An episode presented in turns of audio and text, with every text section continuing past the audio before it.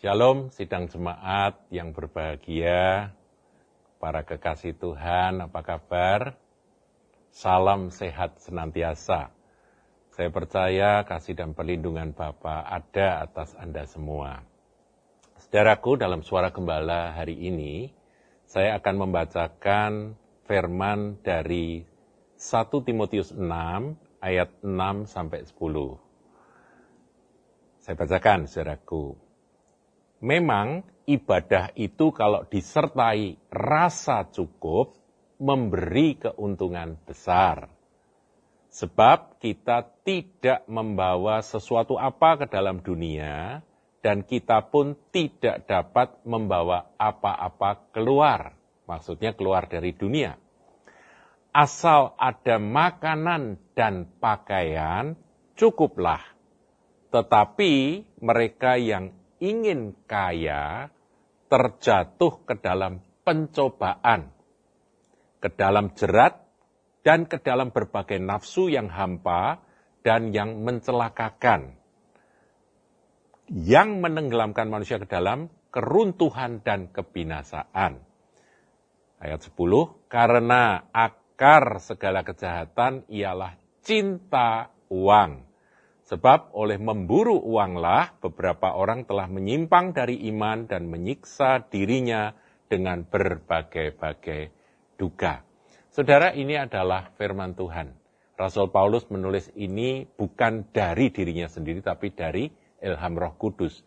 Nah, jadi ini perlu untuk kita renungkan, saudara. Saya akan mulai dari ayat yang ke-9 dan 10 terlebih dahulu dikatakan mereka yang ingin kaya, jadi keinginan untuk menjadi kaya, akan terjatuh ke dalam pencobaan. Nah kita ini kan sudah ber, diajari berdoa oleh Tuhan Yesus.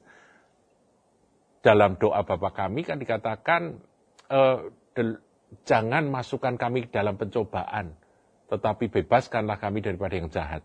Jadi kita ini jangan sampai kena pencobaan, kita perlu berdoa supaya jangan sampai kena dicobai. Tetapi orang yang ingin kaya, dia justru masuk ke dalam pencobaan itu. Jadi ya berlawanan dengan doa yang Tuhan Yesus ajarkan, dia malah sengaja masuk dalam pencobaan.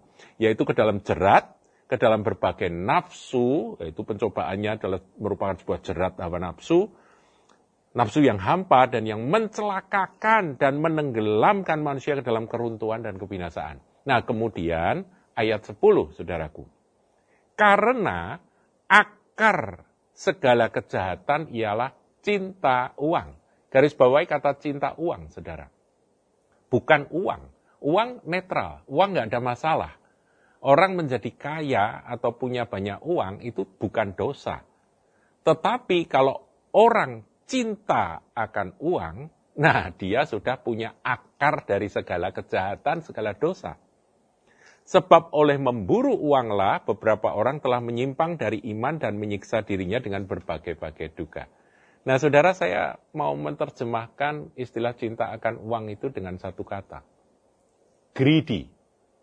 Greedy itu apa? Serakah rakus ingin lebih dan lebih dan lebih dan lebih dan ini mengena pada semua orang dalam strata sosial mana pun. Jadi orang yang miskin bisa greedy, orang menengah bisa greedy, orang kaya pun bisa greedy, saudara. Jadi peringatan ini berlaku bagi semua orang. Saudara jangan berkata bahwa hanya orang-orang kaya yang greedy. Enggak, orang miskin pun bisa greedy, saudara. Bisa serakah, bisa rakus bisa cinta akan uang. Nah, saudaraku, kita perlu waspada. Ya, di hari-hari kita sedang menghadapi COVID-19 ini, marilah kita merenungkan firman Tuhan dan kita berdoa, Tuhan, jauhkan aku dari pencobaan, yaitu ingin kaya, yaitu cinta akan harta, cinta akan uang. Nah, memburu uang itu membuat menyimpang dari iman. ini sudah terbukti. Saya nggak akan kasih contoh-contoh. Saudara pasti bisa buat contoh sendiri atau cari contoh sendiri. Ya. Nah, sekarang kita akan melihat, saudaraku, ayat 6. Dikatakan memang ibadah itu kalau disertai rasa cukup. Ini penting. Rasa cukup. Jadi cukup itu adalah rasa. Kalau orang rasa kurang, sudah dikasih apa pun ya tetap kurang. Punya segalanya juga tetap kurang, ya kan?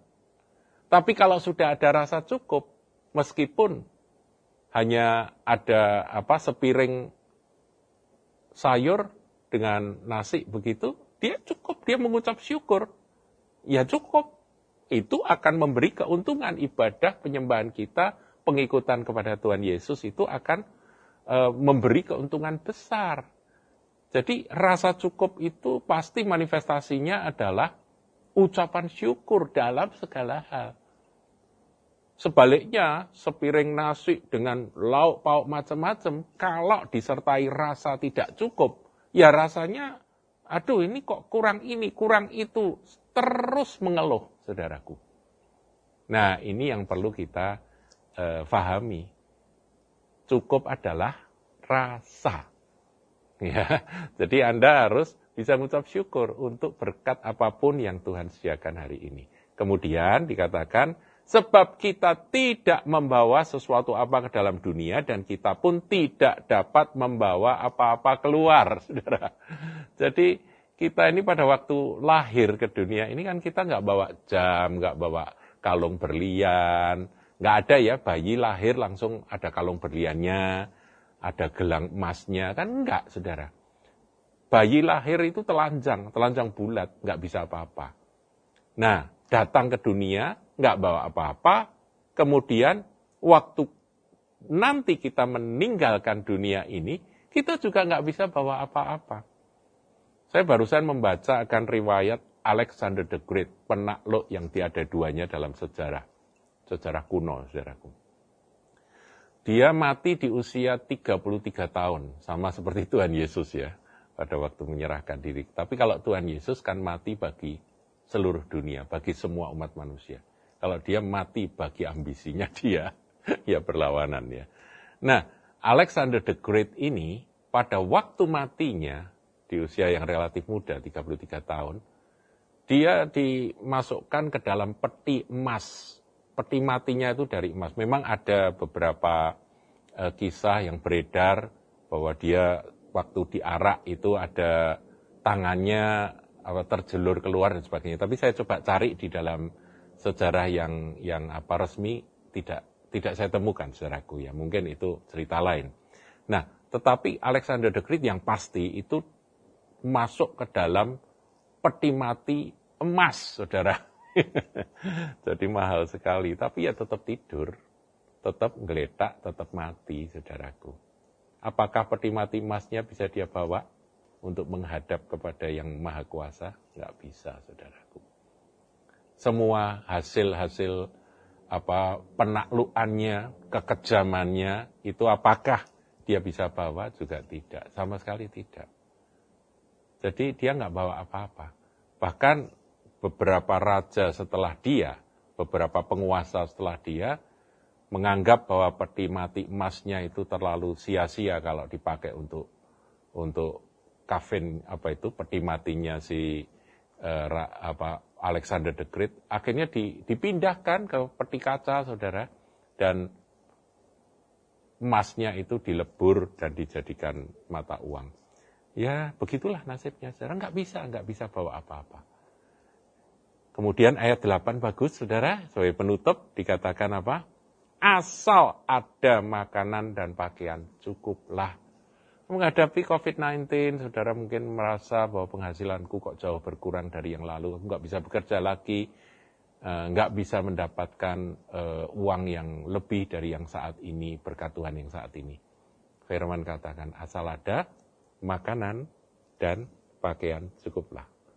Waktu saya mau jadi hamba Tuhan, saudaraku, saya sempat bergumul bagaimana nanti dengan kehidupan ekonomi keluarga yang akan saya jalani kalau aku jadi hamba Tuhan.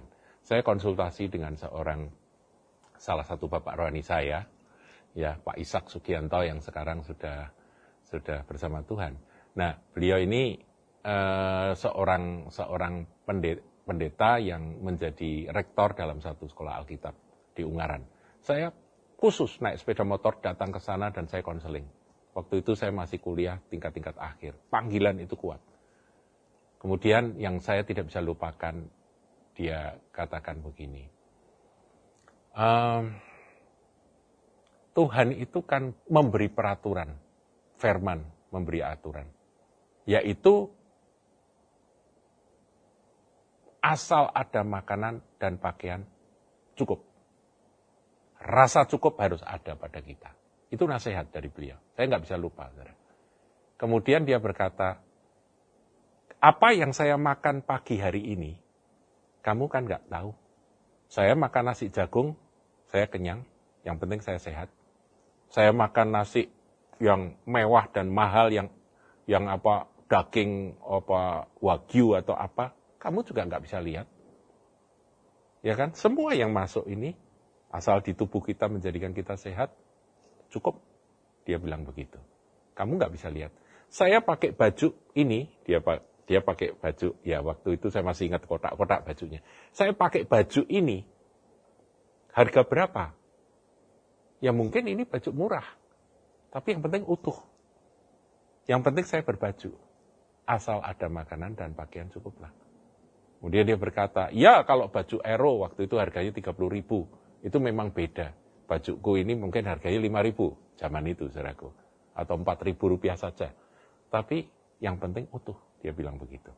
Saudara, kadang-kadang memang kita perlu merenung dengan cara perenungan seperti ini.